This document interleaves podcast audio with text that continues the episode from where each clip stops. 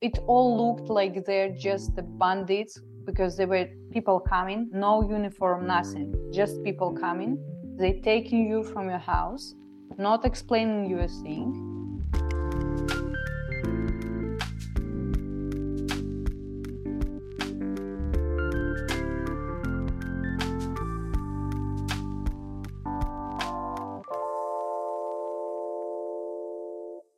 Kjære ørevenner, kjære seere, velkommen til en ny episode av Fotopodden. Hvis du sitter der ute og prøver å se dette på YouTube og ikke får opp noe bilde, så skal jeg forklare det om et bitte lite øyeblikk hvorfor du ikke gjør det. Vi har en veldig spesiell gjest i dag. Hun er en belarusisk dokumentarfilmfotograf og dokumentarfilmskaper som nå lever i eksil, for hun kan ikke returnere til hjemlandet sitt. Av den grunn så har hun også bedt om å få være anonym. Vi kjenner identiteten hennes, men vi vil i denne podkasten kalle henne for Alisa. Og det er også grunnen til at vi ikke filmer, fordi hun ønsker ikke å vise ansiktet sitt i tilfelle belarusisk etterretning ser, hører, og det kan ramme familien hennes i Belarus. Ja, jeg tror det var det jeg trengte å si på forhånd. Så takk til alle som hører på og prøver å se på. Vi sveiver i gang. Eh, ja, en liten ting først. Dette må foregå på engelsk, for hun snakker veldig lite norsk, for å si det sånn. Det går i belarusisk eller engelsk, og da tror jeg vi foretrekker engelsk, de fleste av oss. Welcome, Elisa. It's a pleasure to have you here. It's an honor to have you here, actually. It's a pleasure to be here as mm. well you have a background as a journalist from Belarus.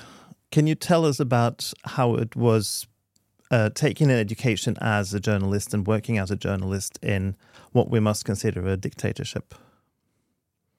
Yeah, I uh, I was born and raised in Minsk in Belarus, and I was living there since last year. And I studied journalism in the most prestigious uh, prestigious faculty of journalism in Belarus. And actually, I have quite positive experience of being there as a student because um, nowadays we can see a lot of propaganda and things like that in Belarus. But back then, I do remember that uh, people who were teaching us, uh, the professors, they were mentioning that uh, propaganda is not a good thing and we have to avoid that. And we were we were actually studying the propaganda and uh, the way we have to present news as journalists like to be objective not subjective as much as possible. And actually the things they were teaching us uh, were in my opinion uh, it's the right things. But unfortunately uh, practically we couldn't implement it. okay. Yeah. How long ago was this? How- uh, I graduated uh, seven years ago. Mm-hmm. So back then it was easier, at least education was good, even though you couldn't print what you wanted or, or say what you wanted. Is that correct? Yes, uh, but it's important to mention that at that time we were we all were living in kind of illusion, and uh, there was no cases with uh, like a lot of oppositions and things like that because more or less uh, people were living um, thinking that yeah of course we know that we have dictatorship but it's not like we are suffering too much from it we are like living and living. Like you know uh, we are this kind of belarusian the, this kind of people that until something bad happens we won't uh, require too much. Like we have food we have uh, houses to live. Of course uh, we know that the economical situation is not nice but it wasn't any case that we had to protest or doing something like that. So being in journalism there you yeah it was just doing your thing. Of course uh, we were not uh, much talking about the politics because uh, there are no uh, political parties i mean real political parties in belarus. So it wasn't like the main topic uh, in general in belarus but uh, yeah and that's why I, I, guess it was normal because it was illusion and mm, yeah we were living as we were what did you write about as a journalist? What did you cover? What could you cover?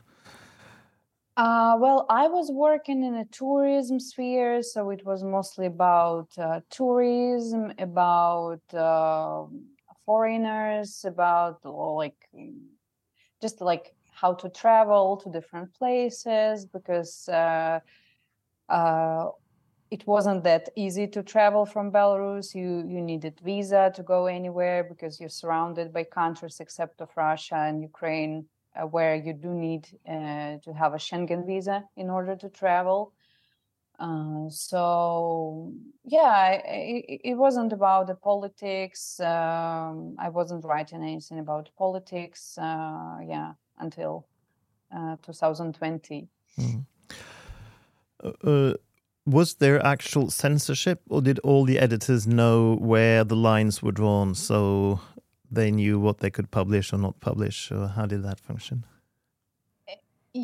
obviously there was a censorship just because i didn't work in uh, like politic uh, you know in political topics and uh, there was just just no political topics i don't mm. know you don't talk about this mm. Yeah you just uh, like everyone knew that uh, obviously there is no way that any kind of um, um, article released, especially in government and state newspapers, saying something against of the president. And these uh, these newspapers, which were like opposite, which were uh, which uh, have always been opposite uh, of the dictatorship and the president, they were online and registered on uh, foreign services. So of course they there wasn't any censorship, but at least we could have an access to it from Belarus. For example, now they all banned, and if you're in Belarus, you cannot read these uh, service, these newspapers. Mm. But then you said until 2020 you didn't do anything with politics. What happened in 2020? In 2020, the coronavirus happened, and um, uh, the Lukashenko he was just denying the existence of coronavirus. Like you know, we were watching news, obviously the world news, uh, but he was saying no, there's like coronavirus is everywhere, but not in Belarus. We are like clever and good enough to prevent it from having here. And they were hiding uh, the numbers of sick people. They were hiding uh, a lot of things, the statistics, everything. And uh, people realized that uh, this is above the terrible and you have to do yourself something. Uh, and people were organizing, uh, there were no like imports for the masks, for respirators, and uh, people were organizing the imports themselves. People were like organizing groups uh, like voluntary groups uh, to do something uh, to help doctors um, to diagnose the coronavirus to buy these tests and so um, so and also the same year we were supposed to have an election so after we saw what's happening with the coronavirus and how irresponsible the government is taking the topic of coronavirus and how many people are dying, and also like we had doctors who were uh, posting in Twitter or in any other social media the real situation, and uh, they all went to the jail after that, by the way. Uh, and um, people started to realize that uh, this is really something very bad is happening. And by the time when we uh, i think the ele- elections were uh, 8th of august and in the in june they started these election companies. And for the for the very first time in history we actually got really uh, nice um, competitors to the president, some people who uh, who decided to uh, to apply to there, hmm. uh, and when we saw uh, what kind of people uh, send their applications uh, to go to get votes we were really we got this feeling of hope that once since 1994 something can actually change this was a uh, presidential election yes yep. it was a presidential mm-hmm. election mm. and uh, we got this hope that something can change and uh, also like seeing the situation with coronavirus and also i guess that uh, since the last election a lot of people grew up who who who are ready to vote for for someone more democratic, let's say. And uh, and yeah, and we started to get this hope. I do remember that that moment, uh, and it was very unusual feeling for us because, as I told, as I mentioned before, uh, we were living in illusion, uh, which I meant like, why would we do anything if nothing is gonna change anyway? This is how we were thinking. Uh, but uh, it was a moment when we saw that you know like a lot of things happening in the world with this coronavirus that maybe something actually can change and we were very excited and we got this feeling of hope and uh, yeah and we started to gather these signatures for for the people who wanted to uh, participate in presidential elections and then we saw what's what's happening. Uh, they got uh, detained. Uh, they also also people who were helping to to gather the signatures they also got detained and uh, we just realized like uh, actually uh, some really uh, nonsense things started to happen. Like people were just staying in the queue to put their signatures, and sometimes they were just. It was like kind of protest. You're just staying in the queue, and whenever they the police were seeing the queues, they were arresting people because they're staying in the queue, and for them, like staying in the queue, it was kind of protest. Mm-hmm. So um, at that time like it was all happening just before election i'm not even mentioning the day of election because the day of election became for us uh, like a moment where our lives separated from before and after so and before elections of course um, i got contacted uh, by bbc radio and they were uh, asking me as a local to just tell them weekly what's happening uh, there. And uh, yeah and i was just speaking about it uh, as a local. And also uh, some uh, some people that i knew because i also worked in tourism some foreign uh, magazines or newspapers they were asking me to write an article about what's happening and yeah this is this was the moment when i uh, when I started to write uh, about politics all of a sudden. Uh, so, yeah. And then, what consequences did writing about politics have for you, both for yourself, how you felt about your job, but also for your your life and your future, well, really? Uh, I felt um, that, you know, like during these uh, events, whatever you are doing, whatever your profession is, it was very important to make sure you do as much as you can. And of course, if you're a journalist, for you, it's uh, it's writing articles like in English for foreign newspapers to let people know what's happening. If you are a documentary director, it's mm, you have to go out and just film the process or whatever is happening so uh, if you're a doctor you help people who are injured during the process. So each of us, we were doing something what we can. So I felt myself that, uh, yeah, this is very important uh, for me. This is like my input in it that I have to do. Uh, I have to do something, and if I can, if I can write an article, I should do that. Um, yeah what what were you asking? Were you were you afraid of being arrested detained um, abused by uh, the police? uh, well at the beginning as i told you we were very excited. We got a lot of hope. We were not thinking about consequences because we actually believe that this is a very exact moment when everything is going to change. So we were just doing everything. We were not thinking about what's going to happen in the future because we were almost sure that this is the moment where we have to do literally everything to yeah to just make our country free.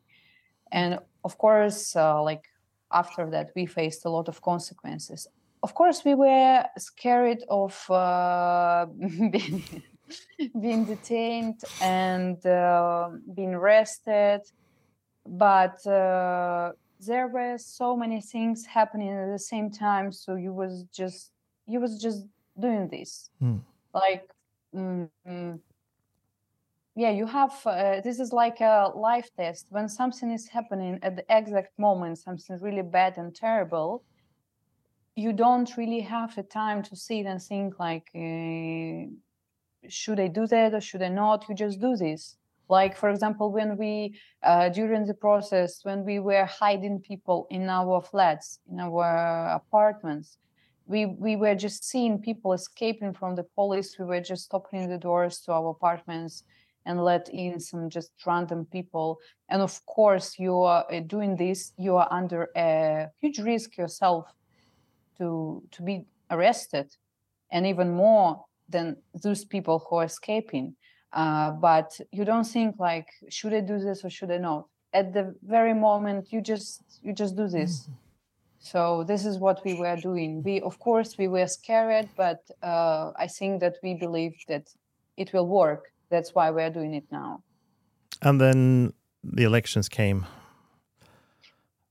Yes uh, the and elections things started came. to to be Uh, yeah tense. yeah I remember the day when elections came. Uh, we uh, we went to the election points. We gave our votes, and we also uh, made this uh, thing. We all agreed that if you if you're not voting for Lukashenko, which is absolutely obvious that major people are not doing that.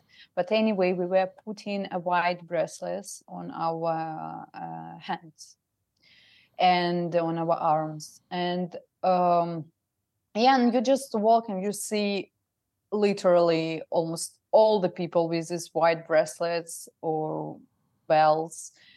And um, uh, during the yeah after the elections we were waiting for uh, for elections results to be announced. We actually we all we didn't leave the election points. We were staying at the place where we voted and we waited for this uh, election commission to to put the results in front of the door which they didn't do but police arrived and started to detain people right close to this detention, uh, sorry, elections uh, points. Like in my case, it was a school. It was school where my daughter was going, and we went to the school. We gave our vote. We were waiting there, and the uh, people, like you're talking to people, and people, are, you can see that people are getting angry, and this is not really typical for Belarusian people because we are known like we're known as uh, calm and patient people and uh, yeah not angry at all. But you could see that people are you know like because i think that the difference is like before uh, the elections they were fooled but you know uh, people were fooled but just a little bit. But this time it was so very obvious that people were fooled just you know right into your face mm. very direct and that's why people got angry because no one wants to feel like a fool because it was absolutely obvious that eh, not even uh, not even third of people voted for the Lukashenko because people you you have people around you you talk to people you uh, you meet people at your work uh, like your friends uh, parents their friends and you literally know zero people who actually voted for Lukashenko. So how do you how do you believe that he got uh, I think it was 83 or 87 percent votes for him? Mm. like you know it was ridiculous. It was on the level of ridiculous level that's why everyone got so so very angry. And people right after this uh, election uh, points people started to go to the center of uh, of minsk. Uh, because uh, they were all angry and they were uh, yeah they were not feeling that uh, that that you can just leave it like that.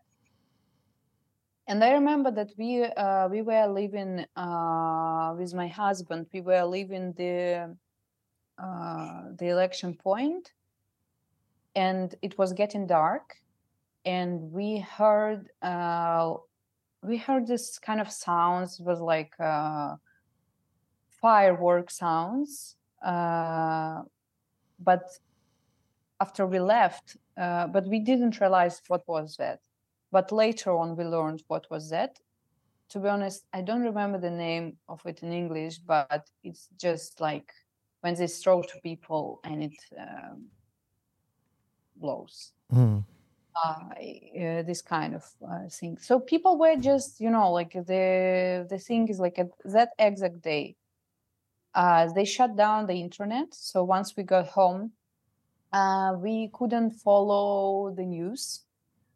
We were using some services. My husband was using some services to connect to to the internet, uh, to the very bad internet. You, we couldn't even download the pictures or videos, just some text in telegram channels about what's going on and what happened is that they just uh, it was a it was super peaceful process. Basically people were just they just went to the center of minsk and they were just walking. That was that what process looks like. There were, were no riots. They were not crushing the shops around or attacking police. They were just going because you had to see these people. It were just uh, women kids uh, like all kind of uh, people just people and uh, and they behaved like the police. They were uh, they were really harsh in what they were doing and we actually didn't expect it to be that harsh the harsh to this level.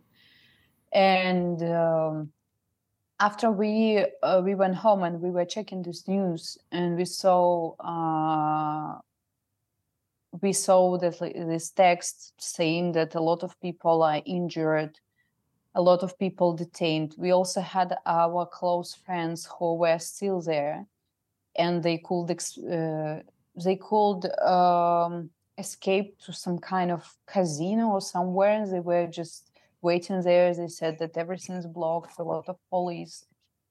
And uh, it was a moment where we couldn't uh, actually believe that this is happening because we were like, but hey, we're, we're really not doing like, you know, anything to be detained. You didn't even announce us uh, uh, election results at the selection points where we, we were waiting.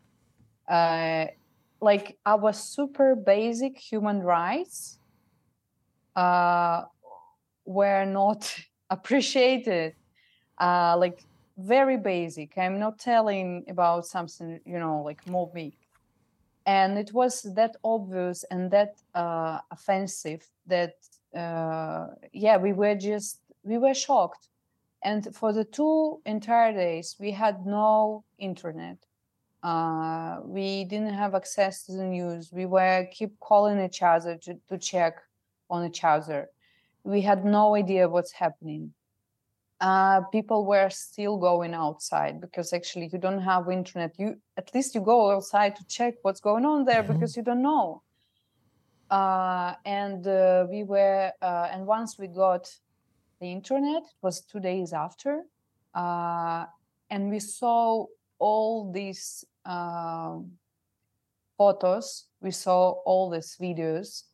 Uh, we were in total shock, in complete shock, because uh, uh, we saw a lot of pictures where we uh, we thought we never gonna see this this stuff like uh, people detained in a very harsh way, beaten people, uh, beaten women, beaten kids, uh, a lot of blood, and we started to get the stories how they were they were capturing people and they were really murdering them because the political prisoner in Belarus, uh, political detainee, uh, considered to be like worse than a terrorist.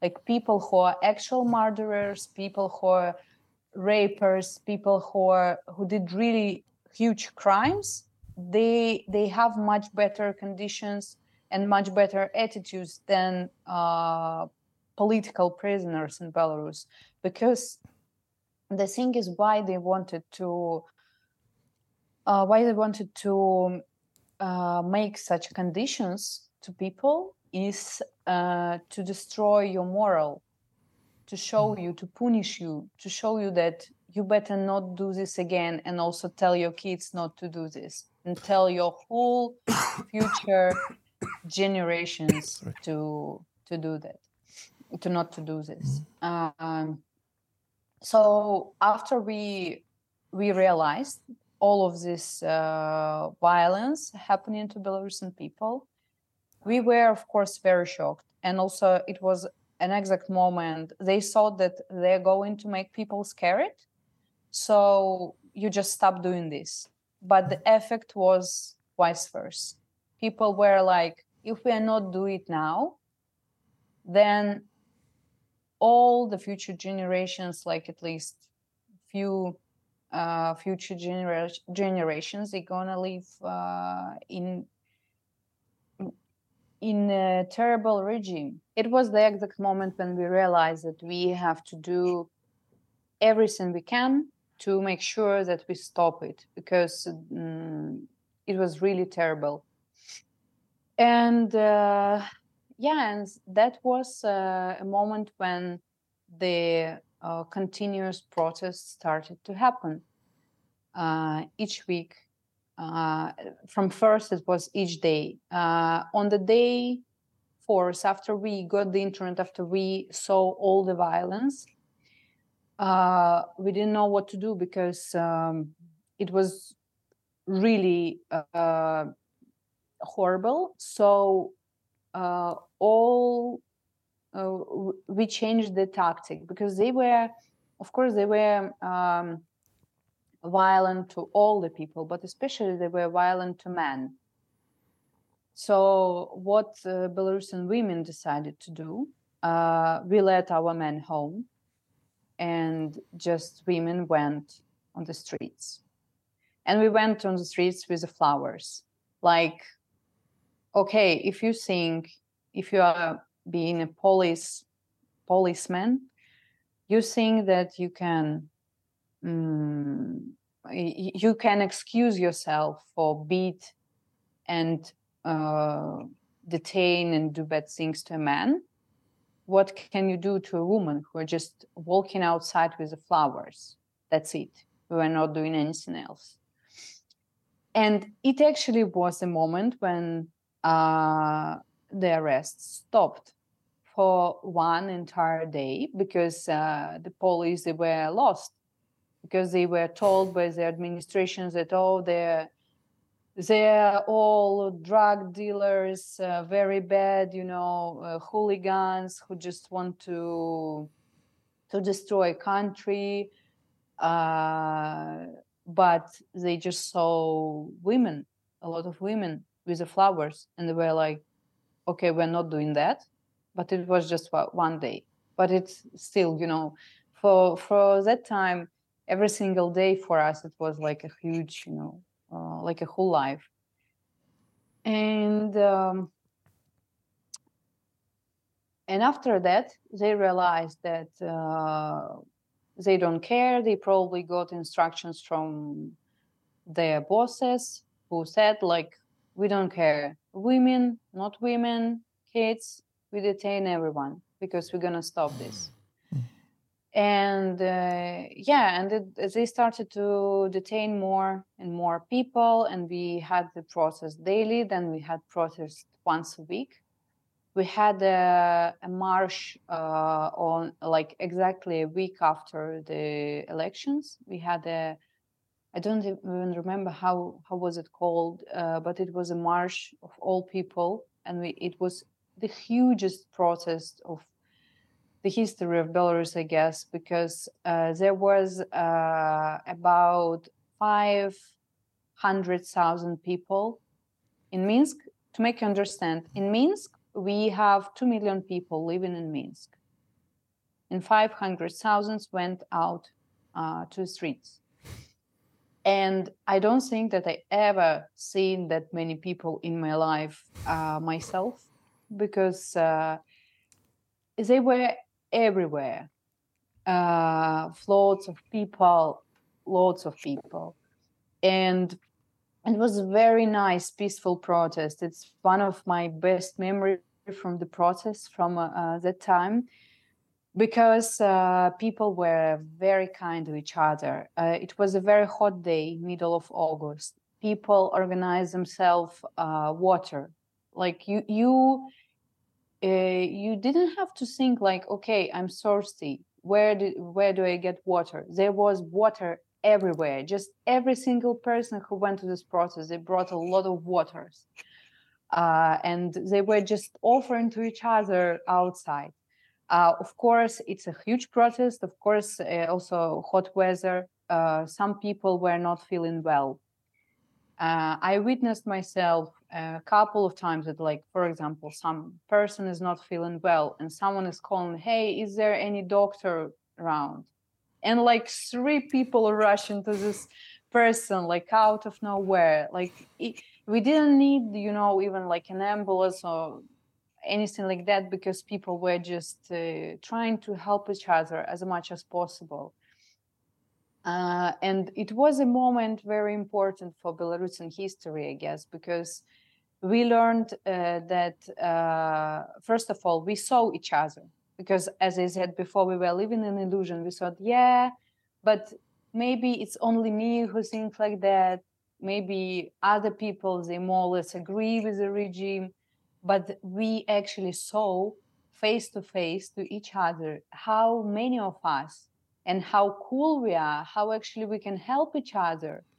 Uh, first, we saw it at coronavirus time, and second, I think it was uh, during this march because uh, it was really huge march, a huge process. But imagine 500 people were outside, and then they leave the streets, and no single piece of uh, trash is left on the streets because they were uh, organizing this um, uh, trash collection. Like people were making sure that, okay, we are protesting, but we wanted to be peaceful protest, so we just uh, make sure that we clean the streets and we don't leave any, you know, things after us. Nothing for the government to sort of say that you are bad people or anything. Yeah.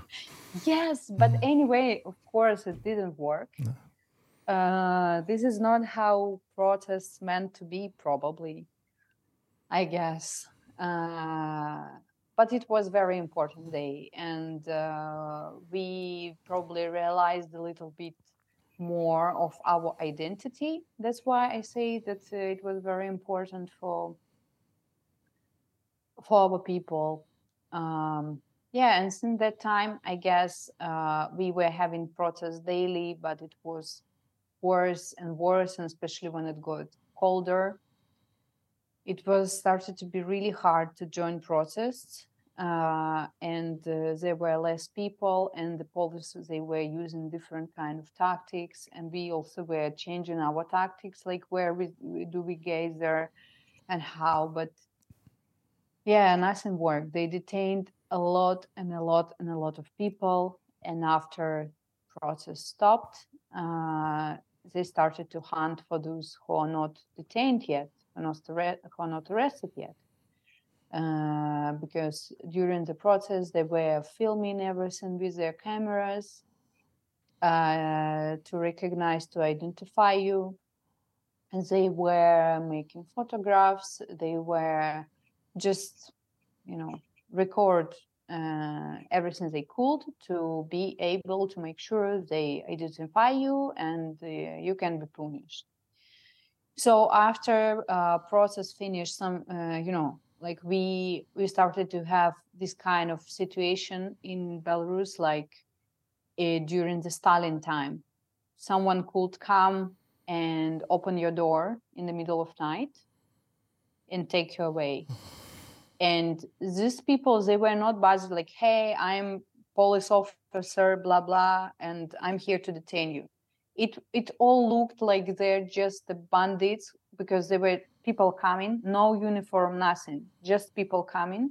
They taking you from your house, not explaining you a thing. They could also beat you uh, while they taking you to the police station or the KGB. And uh, uh, yeah, so it we we started to live in a huge fear because uh, if you don't expect a call, if you don't expect anyone and someone is calling your door, you assume that most probably they came for you. Mm. because uh, i will i will say that the majority of belarusian people they did something during the protests. They because as i explained you before we were really uh, excited for the change and everyone did what they could. So if you take almost any belarusian person you can find some uh, something uh, you know f- for the arrest. Um, so uh, yeah and we started to to have this uh, they wanted us to to be very scared. And to be honest we were. We are still scared uh, not only for us but also for our families who left in belarus. And people started to leave the country. They just started like one by one um, you just see it not in the news you see it among your friends among your family you just see that people are living and you are also spending days thinking like probably i should leave as well. But then you have a hope but i really want to live in my country i really don't want to leave belarus. Maybe something will actually change.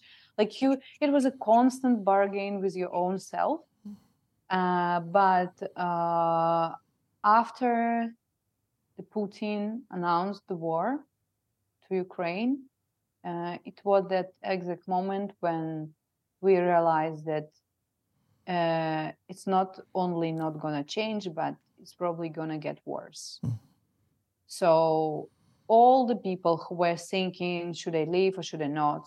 They just right after the war, they just uh, grabbed their things and they just left because uh, the attack from Ukraine uh, to Ukraine from Russia happened from the territory of Belarus, and for us it was clear that Lukashenko uh, Lukashenko asked uh, Putin help during the protest. That's actually why he could manage protests. And now uh, Putin asked for his credit back, like. Mm. Then we attacked, yeah, we attacked uh, Ukraine from Belarus, and uh, uh, yeah, and for a lot of us, it was uh, unbearable to think that you are uh, you're located in a country uh, from from and from this country, Ukraine got attacked, and uh, yeah, we, we we just we just couldn't stay. So same same as my family, like uh, the war happened it was February 24th, and we left uh, Belarus on uh, March 6th. and uh, yeah, we were trying on different countries like Cyprus, Turkey, Israel, and we uh, happened to be in Warsaw because here in Warsaw it's it looks more or less like Belarus, but we have a local joke here. We say that Poland is like a um, healthy version of Belarus. like uh, how Belarus would be if if we were not under dictatorship because a lot of things here reminds us of Belarus. Uh, some living blocks looks exactly like in Minsk, so you can walk, you can feel the nostalgia. Uh, and here is like a huge community of um, uh, Belarusian people, and uh, a lot of personally my friends are here. Uh, my friends from Minsk, from Belarus, they moved here or to other cities of Poland, because Poland did actually a great job of hosting all of us. Because if you're Belarusian, we also got this trouble uh, when you go to another country, for example, as you Ukrainian, you get a lot of help. Uh, almost at any country there is a way for you to legalize your your being in this country uh, as a refugee or like different kind of things. But if you are belarusian they were considering us as um, as enemies as attackers. Mm-hmm. and uh, for us it was not really possible to get this uh, refugee status. They were refusing. And uh, yeah especially at the beginning of war people were very emotional and they were giving us very different uh, reaction. You never knew like how someone would react. If you're saying i'm from belarus uh, they were not really like people think it very simple like okay if you're from belarus you should you know why you didn't change your president? Why you just you know didn't stop it why you why you didn't prevent uh, ukraine being attacked from territory of belarus? People were asking us things like that and like it, it's very difficult to explain all the situation. This is why uh, like i always tell people like imagine people being locked in the concentration camp. And you are telling these people to go and do something against of uh, people who, who, keep them in the concentration camp mm-hmm. like it's uh, barely possible uh, and i also uh, like it's a very simplified version of, of truth but uh, to make people understand i also said that Belarus, same as Ukraine, is occupied by Russia. Just it's occupied not um, officially, let's say, it's occupied uh, by. You would think people in Poland would recognize this because they were in the same situation until 1990. They were not occupied by Russia, but they were run by Russia. They were basically uh, puppet states. Yeah, and there's also why they have still they have uh, very uh, different attitudes to Russian people. For example, um, you cannot meet in Poland a lot of Russian people, just very very few. Mm-hmm. They just don't let these people to come, but they are really loyal to Belarusian people. That's why here is a huge community of Belarusian. They do help a lot.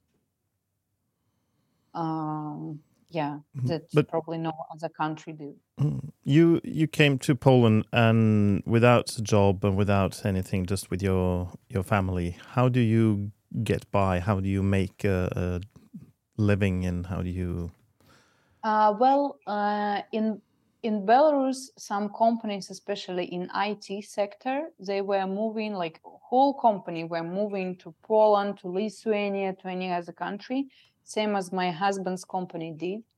They moved to uh, to Warsaw, and uh, he works uh, here.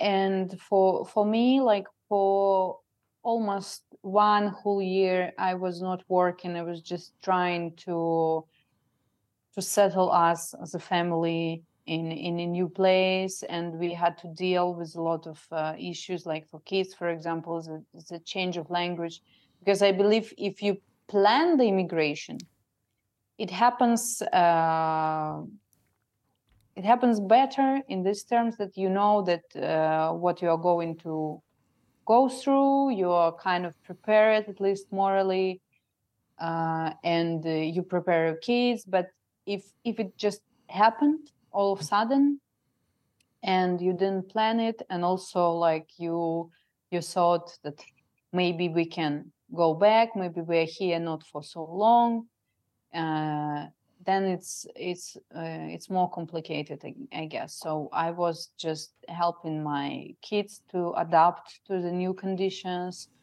to learn the language to to feel as small as comfortable because um, mm, yeah because i guess we also have this kind of uh, trauma of uh, losing home when you don't really planned or wanted to leave your home but you had to mm. and even you still hope that you can go back one day so you it's also like it's not only about me but i saw it among a lot of my friends they cannot uh find a resource inside of themselves to work or do anything because you just want to stay in bed and uh, cry or like uh, you know you're feeling very very depressed because you mm, your very basic needs were damaged uh, like needs of safety for example. So you you're trying to to recover and you're trying to found uh, like a new sense of life and all this kind of thing so about me i i almost for for a whole year uh, i was not working uh, but now i am studying in the new york uh, film academy for the documentary filmmaking uh, also because uh, first of all this is the thing uh, which i want to keep doing. I thought of getting more like normal profession as a let's say hairdresser. Not my case, but uh, this is just to explain what I mean by saying normal profession, just more down to earth. Mm. But uh, the documentary filmmaking is like uh, something uh, it's very mine. I would say it's something very uh, something I would really love to continue doing it. And uh, after I healed from uh, my own traumas about this topic, uh, and I worked on on healing for this, uh, I think that um, I feel a responsibility. I feel that okay, now I'm safe. I have home a new home and uh, now i have to yeah to keep doing to to do something for belarus uh, as much as i can uh, and uh, yeah and let's see i don't have a particular plan for my uh, for my job uh, in the future i know that it's going to be connected with documentary filmmaking but i'm studying for now and then after i finish after I will be graduated, I will I will see how I can implement it to mm. to the current conditions. You once told me that you were a bit wary about making a documentary about the situation in Belarus. Tell me more about that. Yeah, making a documentary about Belarus is a very tricky moment now because when you film people when you ask people to speak who did something or who participated in like protests uh, it's uh, simply not safe for them uh, because uh, when something like that is being published and someone's face is visible and recognizable the kgb is just coming for this person or for their family and asking like where's this person uh, so, uh, of course, there is a lot of stories and a lot of people, but the very first and basic thing you're worried uh, of is the safety of these people. Uh, same as the videos from the process. Of course, there's a lot of materials like that. There are a lot of uh, people did a lot of videos from the process, but you are afraid to show uh, to make these videos public because uh, you know almost for sure that uh, these people who whose face are visible they're gonna be found and arrested if they not yet. So, so this is the mm. thing, I guess. So even though you have left the country, the government in Belarus can still control to a certain degree what you can do or what you cannot do. Actually, if yeah, if you have your family there, mm. of course. Uh, also, if you have, let's say, property in Belarus, if you have a criminal case on yourself, they are just taking away your property. Uh, another thing they did recently, like uh, one month ago, they announced that uh, being a Belarusian you and living abroad, you cannot renew your passport or change your passport if you're abroad. Mm-hmm. You have to go back to Belarus for that. So for us, um, it's absolutely not safe. Uh, the risk is very high. So most likely, most of the people uh, who ha- has troubles with their passport, like they run out of empty pages or they just uh, the term of passport is not valid you're just uh, staying where you are without a passport the only solution for now yeah because poland won't give you a status as a refugee or an asylum seeker or uh, give you the necessary no. papers Poland uh, now offering for Belarusian people uh, the travel document. It's like um, it's based on your residence permit uh, in Poland. Uh, it looks like a passport, but it's its name a uh, travel document, which means you can travel with it. Uh, but first of all, it's not recognizable for all the countries. Uh, second thing is that you are considered as to be a person without a citizenship. So you have to get a visa literally to the every country you're going to. Mm-hmm. Uh, and uh, yeah, I mean, anyway, it's not replacing you the citizenship. It's not replacing you a normal passport. Yeah, but still, you you work as a document documentary filmmaker, and I met you way outside of Poland. Yes. Uh, so you're still uh, able to travel at least. Yeah, because my passport is still valid. Mm. Uh, but in uh, two years, uh, it will not. Mm. And maybe in two years they will create kind of a solution for this, uh, because there is a also Belarusian government in exile, the, uh, who are working to negotiate this kind of uh, thing. Um, but uh, yeah it's it's very personal situation for everyone because uh, some people they already have their passports being not valid some people have it uh, for let's say five or six next years. So it, it depends. Mm. i have it for two more. How do you um to switch to something more more professional uh, when you make a documentary, do you do it on your own initiative, uh, or do you get asked to make something for someone, or how how does this work for you? No, I do it uh, only through my own initiative. Uh, things I found important. Uh, I worked in tourism quite a lot, and like my uh, my uh, main like thing where they communicating with foreigners. So I guess that um, oh my god, I forgot what I was was about to say.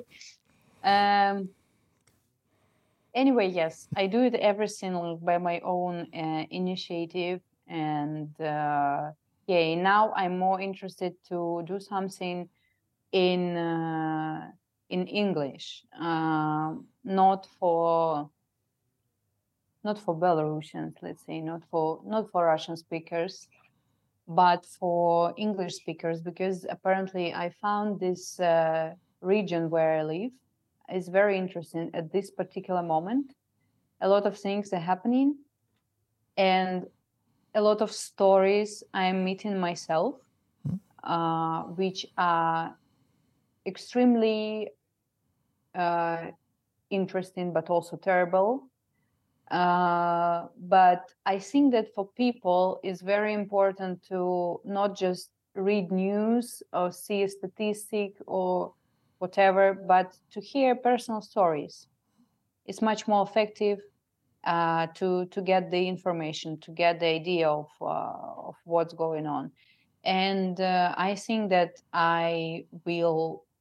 I already started, but I uh, I want to to be concentrated mostly mostly on this, like on people's stories around me, mm. because uh, I realized that almost every single person I know here in Warsaw either it's a Belarusian person or Ukrainian person or someone else, uh, you can make a documentary about the story of this person just because uh, we all are here for a reason and uh, we have a lot of things to tell. Mm. You live in a country that had uh, parliamentary elections the day before this was recorded.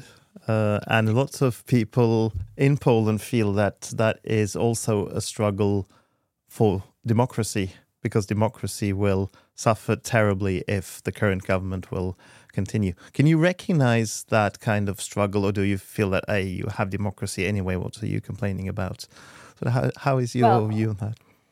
First of all, it's very interesting because uh, just yesterday I was discussing with my Belarusian friend that um, this is like uh, for for us just witnessing an absolutely normal election where actually votes are counting in real and consider it in real felt so much surreal this is such a normal thing right mm-hmm. just an election you just vote and you just choose what you want right but uh, for us it was just something absolutely surreal because we never ever uh, in our lives we saw something like that. I was born in uh, 1993, and the president of Belarus, uh, the current one, he was uh, chosen in 1994, uh, I guess. So I never witnessed myself a change of power.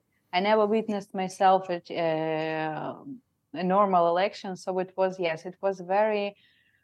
Um, uh, very interesting to to see that, uh, and also about what you was asking. Well, of course, from one side of me, want to say, "Hi, you have democracy anyway," but uh, in my opinion, it's not right to compare struggles because, of course, you have uh, a, every country they have their own struggle. Uh, people in their countries they have their own struggle uh, so it's totally wrong to say that my life is worse than you and you have a democracy anyway. Uh, absolutely not.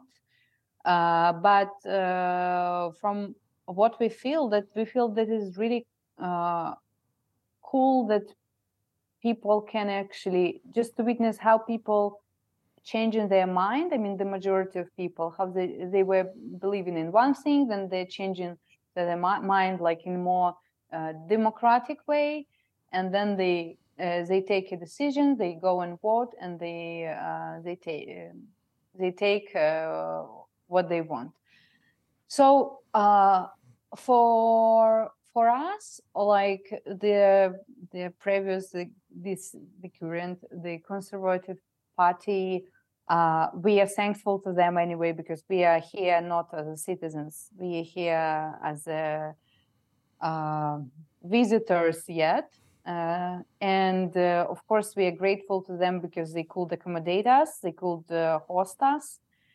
Uh, we, I, um, okay, not we, but I personally, I don't take responsibility on myself to say, uh, like, I think this is right and this is wrong, like for Poland, because again, I'm I'm here just for uh, one year and two months, and uh, yeah, I think that uh, I really wish that uh, Polish people would get what they want uh, if it's important to them, and whatever will it be, uh, we will be cool with that, I guess. So I yeah I see the also uh, the only thing I saw is that um, people I talked to, the Polish people, they really they really wanted uh, this uh, democracy party to win and uh, they they they were talking about it uh, they were discussing it a lot uh, and uh,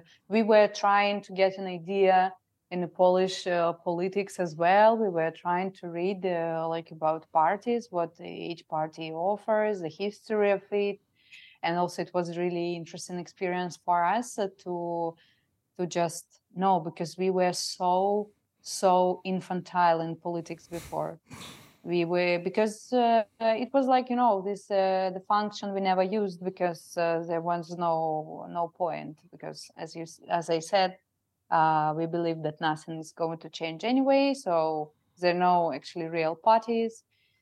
Uh, that's why. So it's a whole a new experience uh, for us here here as well. We have talked for a long time. Is there anything we haven't talked about that you would like to to say or bring up? I was now uh, this weekend. I spent um, in a company of uh, my friends. My uh, old friend, she had a birthday, and uh, she had her other friends. We we were celebrating, and the thing is, like they all doctors they high professional doctors, and uh, they almost all of them they were in prison hmm. uh, in Belarus. So I spent the whole whole weekend uh, hearing the stories about the prison and the jokes about the prison. Oh, was... nice weekend. yeah, very nice. Mm-hmm. But uh, it's a part of our reality, and uh, yeah, that's why especially when when you know that these people they're they're doctors they're neurologists uh, anesthesiologists reanimatologists uh, neonatologists like uh, surgeons you know like very quite uh, high qualified doctors. And the funny thing we also have a um, it's not a joke but it's it's kind of reality that um, if you want to meet a cool people in Belarus, you have to go in prison because uh, nowadays in prison mm. there are so many people uh, in different uh, people uh, with uh, really uh, nice ideas, with really strong beliefs. they are high qualified in their jobs and they really are this kind of people who who want not only just live but to live uh, live a good life mm. uh, before we um, end this i can see i'm the only one that can see that you are dressed in red and white today yes. can you tell yes. me the significance about that because i know there's something behind it yeah, the significance is like the flag, uh, the flag we use now, and well, the, the current official flag of Belarus.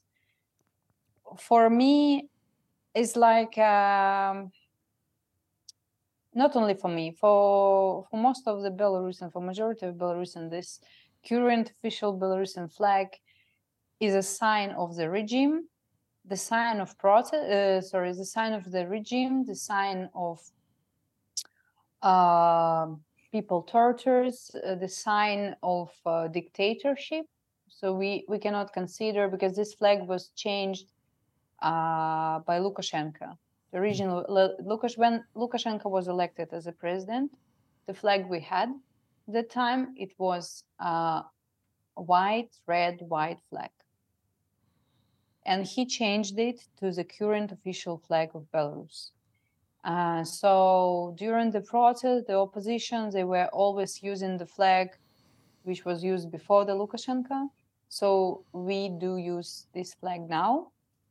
Uh, we do consider it as uh, our flag, and uh, it, uh, yeah, it just became. It, I can't even say that this is like a sign of opposition because it's a it's just a majority of people. You cannot say opposition. It's just what Belarusian people consider their flag is. Mm.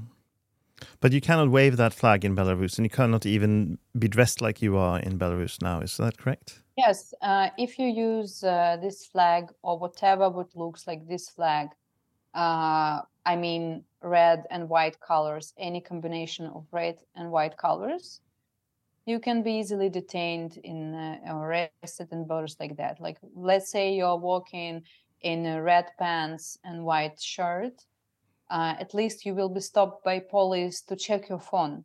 And if they find any kind of subscription on the extremist channel or whatever they consider to be extremist channel, uh, or you talk to a friend something about opposite of president, you can be detained. So it just like it will attract the attention because uh, at some point they were yeah they were considering you dressing in red and white colors uh, as a protest as well.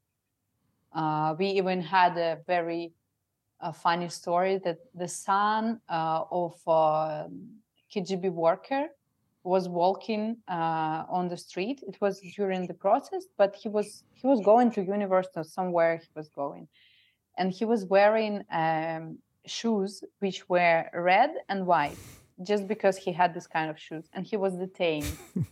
And and then the the KGB worker found out that his own son is detained and the son is that his a guy he was like he was saying like hey i was just walking to my university. They're like yeah yeah yeah like everyone says so and uh, when the story was announced it was like very funny, but also like to realize you what kind of cringe is uh, is this because yes you cannot uh, okay you can of course you can to dress uh, colors like that in belarus but you will have to deal with the consequences mm-hmm. so for us uh, yeah particularly me i really love red color especially with a combination of white uh, so occasionally, uh, yeah, I do wear it, uh, same as other people. But at least being in Poland, I can wear this and not be scared of being detained just because of the color choose of the clothes, mm. which I might. Red and white is quite popular in Poland as well, isn't it? Yes, yeah. exactly. I think we'll round up there, Alisa. Um, I think we have all learned a lot from you today. At least we have learned to appreciate what we have and not take it for granted.